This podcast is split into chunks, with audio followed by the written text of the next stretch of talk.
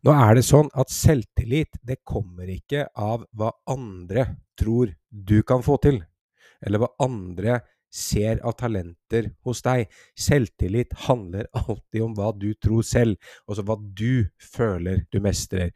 Og før du på en måte skjønner den differansen mellom de to, så er det utrolig vanskelig å komme i en posisjon hvor du fysisk kan gå frem og trene på å utvikle den selvtilliten du trenger for å ta inn salgsoppdrag og for å selge eiendom.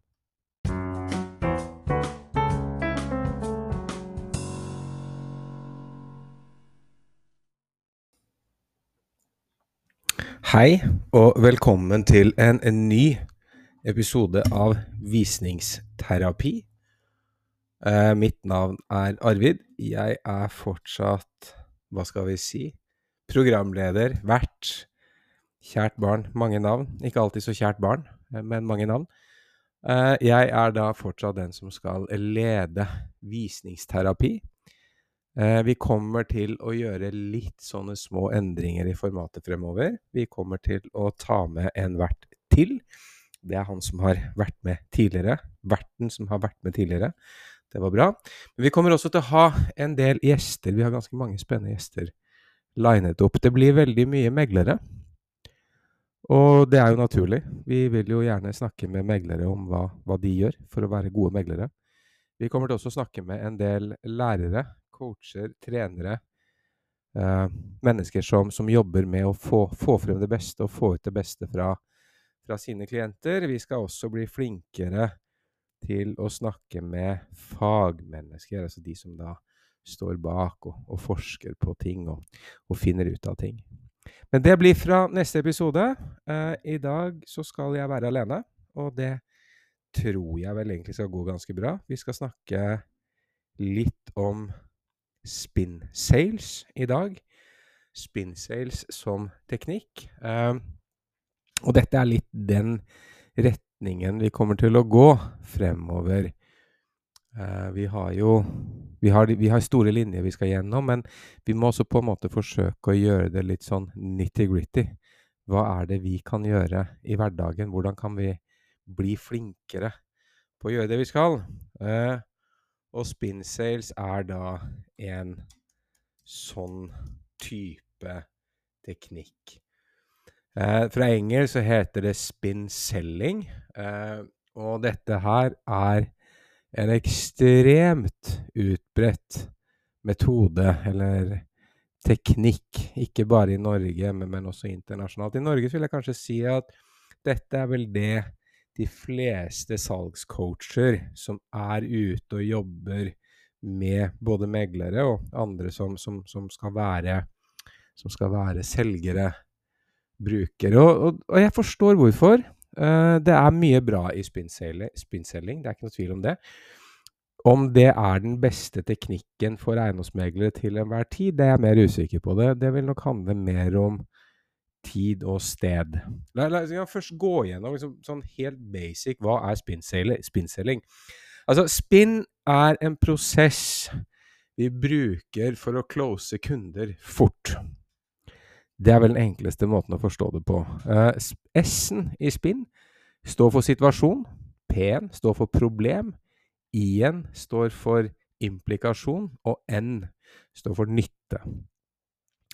Og da er tankegodset at man kan sitte med en, eh, med en kunde, og så kan man bruke masse gode spørsmål for å kartlegge situasjonen. ikke sant? Eh, hva gjør du i dag? Hvordan foregår det? Hvordan er det? Hvordan er det? Hvordan er det? Bare blåse på med masse spørsmål. Og så hører du plutselig at kunden sier noe, ikke sant? Det bare knipser til, og så er det et problem. Du stiller et spørsmål, og du får et problem tilbake. Og i salg så er problemer de er fantastiske, for det er noe vi kan løse. Men før vi løser det, altså før vi løser det, så, så, vil vi gjerne at det skal gjøre litt vondt. Vi vil at kunden skal innrømme at dette her var ikke noe kjempe... Det, det problemet her, det, ja, implikasjon av det, ikke sant? Der kom den. Implikasjon. Implikasjon av problemet er at vi taper penger, eller at det blir dyrt, eller jeg ikke får til, eller et eller annet, hva som helst. For da kan du komme med løsning. Og løsningen er nytten. Det er det du bidrar med. Dette er det du tar med deg inn. ikke sant? Så, så spinnselling er egentlig ikke noe mer komplisert enn at du bruker en teknikk, du bruker spørsmål for å kartlegge hva kunden gjør i dag. Og så kartlegger du og kartlegger og kartlegger frem til kunden forteller deg 'her har jeg et problem'. Og når du finner problemet, så må du tenke fort, og du må tenke kjempefort. Dette er jo grunnen til at Jeg skal komme inn på det etterpå, men du, du, må vite hva du snakker om. fordi du må klare å catche problemet og utfordringen for, for, kunden på en sånn måte at du kan nappe tak i det og si at ja, men betyr ikke det det? Er, blir ikke det sånn, eller blir det sånn, eller blir det sånn? Så at du får kunden inn på et spor hvor, det, hvor, hvor de tydelig ser de utfordringene de sitter med. For da kan du løse det. Da har du løsningen. En god spinnselger Jeg tror vel litt sånn intuitivt at spinnselging kanskje er en veldig god løsning når man forhandler med boligkjøpere. Fordi altså, la, la, oss se på hva, hva er det det gir oss når vi forhandler med en boligkjøper? Vel, det er jo sånn at uh, vi forsøker i utgangspunktet å selge en bolig på noen kvaliteter. Det er, det er, et eller annet med den boligen vi forsøker å selge. Det kan være antall soverom, eller et moderne bad, eller at det er peis og parkering. Poenget mitt er at det er ikke det viktige poenget at det er noen. Du har noen kvaliteter på forhånd.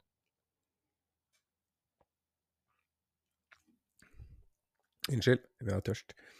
Og da vil jo det neste logiske være ikke sant, at du må jo anta at de menneskene som har vært på visning, eller som tar kontakt på prosjektet, uansett hva det skulle være for noe, de har en preferanse for de kvalitetene. Ikke sant? Det er ikke noe vits å kjøpe seg leilighet med parkeringsplass hvis du driter i parkeringsplass. Hvis du er redd for flammer, så trenger du ikke leilighet med peis. Er det nyoppussa bad? Så poenget mitt er at de kvalitetene som dere har annonsert, er som regel de kvalitetene som noen kjøper på. Nå kan det være område, det kan være treroms, det, det kan være tusen ting, men let's face it, det er din jobb å vite. Du har bestemt hvilke kvaliteter det er, hvordan de skal være, og hvordan de skal pushes ut. Så har noen respondert på det. Så det spinnselging da sier, da må du ha et ark med gode spørsmål om situasjonen. For du reverserer dette der. ikke sant? Sånn Hvis du har presentert peis som en kvalitet, så er et naturlig spinnspørsmål Har dere peis i dag? Ikke sant? Og hvis de da svarer nei, vi har ikke peis i dag, å, ja, men blir ikke det dyrt med så mye strøm for å varme opp leiligheten dere bor nå, da? Ikke sant? Et problem. Ja. Hva er en sånn naturlig implikasjon? Jo, det blir det. Ja, hva koster det ekstra i måneden, da? I hvert fall 1000 kroner. Ja, ikke sant. Ja, men i den leiligheten her så har de peis. Så dette går fint. Dette var helt sikkert en veldig banal måte å si det på, men, men du bør ha i hvert fall ett spørsmål for hver kvalitet som du har solgt inn, fordi sannsynligvis, eller solgt inn, som du har presentert som et innsalg, fordi sannsynligvis så er det en av de tingene som en boligkjøper i andre enden har respondert på. Og som sagt, kan, altså, la, la, meg være tydelig, sånn at vi er helt krystallklare på det. De kvalitetene vi snakker om nå, det er ikke en kvalitet som begrenses av, eller må være en fysisk kvalitet ved boligen. Det kan være en opplevd kvalitet. Det kan være nærhet til kino, det kan være nærhet til skole, det kan være flere kvadratmeter. Altså, det, det kan være alle, alle disse kvalitetene, alle oppsidene som du har med boligen. Nå, i et marked hvor eiendom selges av seg selv, absolutt hele tiden, og du har 30 stykker på visningsliste og 10 budgivere eller 4 budgivere på alt, så er nok ikke dette noe du, du må kunne ned i fingerspissen, selvfølgelig. Men i det markedet vi er i dag, så er nok spin sales noe som definitivt fungerer, fordi dette gir deg Det gir deg den muligheten til å grave sammen med kundene, sammen med prospektene, for å finne frem til de tingene som kan få de fra å være en interessent til en budgiver, og så hele veien over til en boligkjøper. Så det er liksom sånn Spinnsalg og spinnteknikker generelt for boligkjøpere, det er i min verden uvurderlig. Eh, og så, så får på en måte alle bare vurdere det på egen hånd.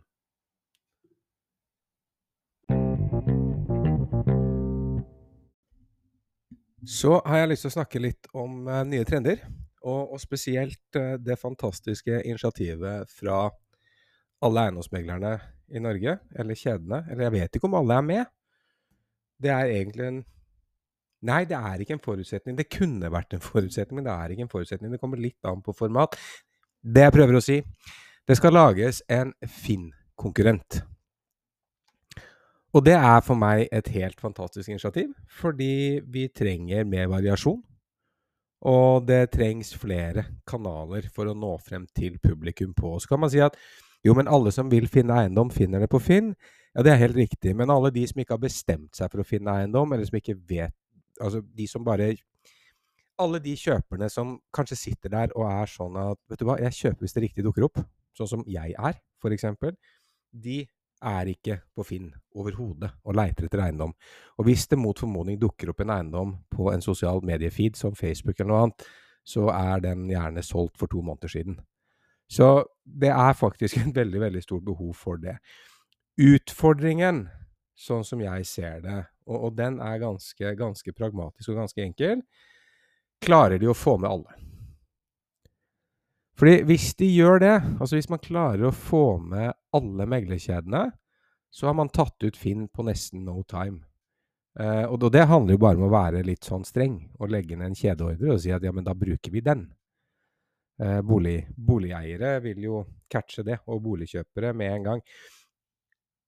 Jeg har hørt flere som sier at eh, dette er ikke Altså, det er vanskelig, for du, du får ikke endra brukermønstrene på samme måte. Og for ti år siden så ville jeg gitt deg helt rett i det.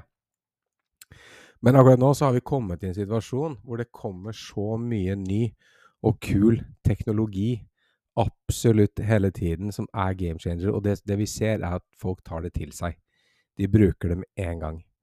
Det er ikke sånn som det var den gang jeg studerte markedsføring, og man fikk beskjed om at det å endre forsider på digitale medier, det var kjempefarlig. Fordi folk kjente seg ikke igjen, og hvis de ikke kjente seg igjen, så trykket de seg ut, og så valgte de å bruke noe annet. Og så er det for så vidt helt ok, eh, og resonnementet gjelder helt sikkert for noen ennå. Men for de absolutt fleste så er det ikke sånn lenger. Eh, man har kommet nå inn i en ny situasjon, en ny verden, hvor folk rett og slett tar i bruk nye ting hele tiden. Som sagt, det som er den primære utfordringen, er Det er eh, Altså, er det det? Eh, I utgangspunktet så ville jeg i hvert fall fra gammelt av sagt at utfordringen er om ikke alle bruker det. På den andre siden så fungerer jo eiendomsmarkedene i alle andre land uten Finn. Altså, de klarer det helt fint.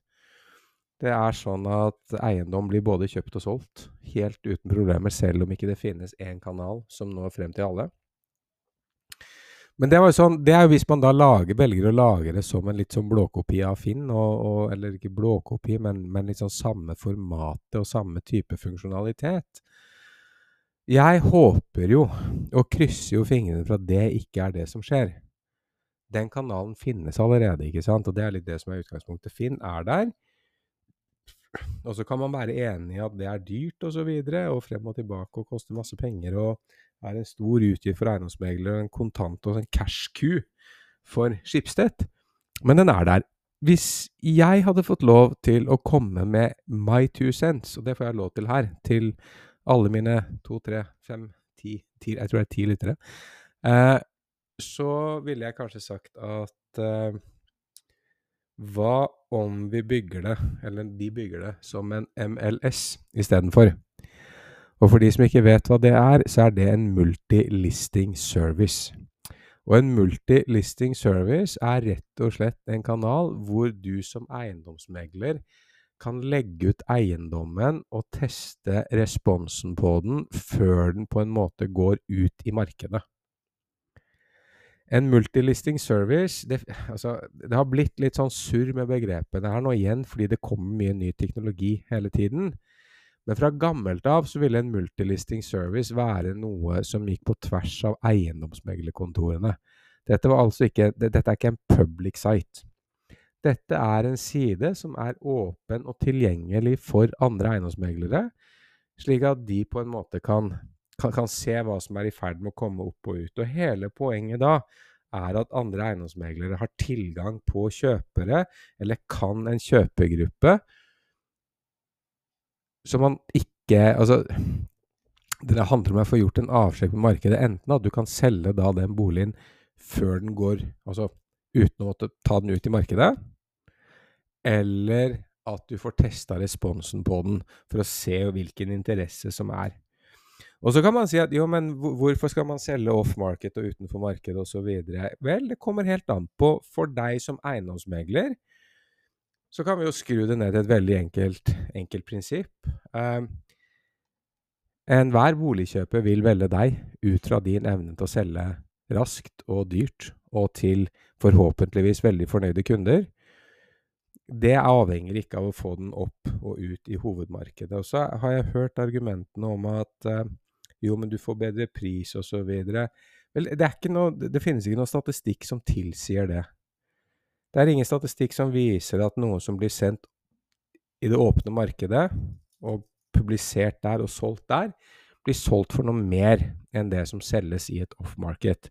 Og det er for så vidt ikke et off-market heller, fordi du presenterer det for alle andre eiendomsmeglere i verden som er knyttet til samme systemet.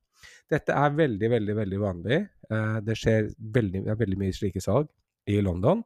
Og det er ekstremt mye sånne salg i New York. Men som sagt, uansett om man går for en vanlig rubrikkannonseløsning som Finnair, eller om man går for en MLS, en multilisting service, så vil vi jo ønske initiativet hjertelig velkommen. Og i motsetning til de forsøkene som er gjort før, så må det jo være lov til å si at dette har vi nok litt mer tro på. Fordi Markedet er annerledes i dag. Brukermønstrene hos de som skal gå inn på annonsene, er annerledes enn de var bare i 2017 eller 2015 eller 2012, når de andre initiativene ble tatt.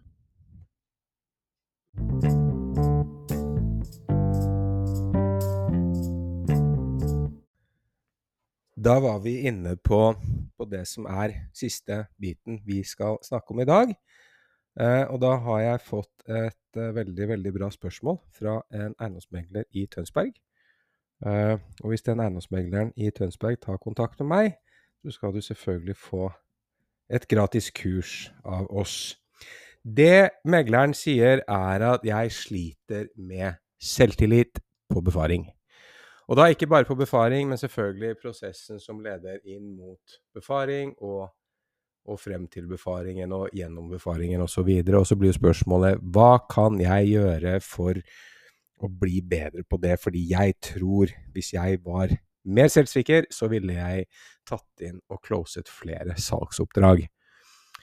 Um, jeg tror kanskje i utgangspunktet så kan det være greit å vite litt sånn hva, hvor, hvor kommer selvtillit fra? Selv om for, for, de fleste så er nok det ganske intuitivt, men, men, det er intuitivt når den er der.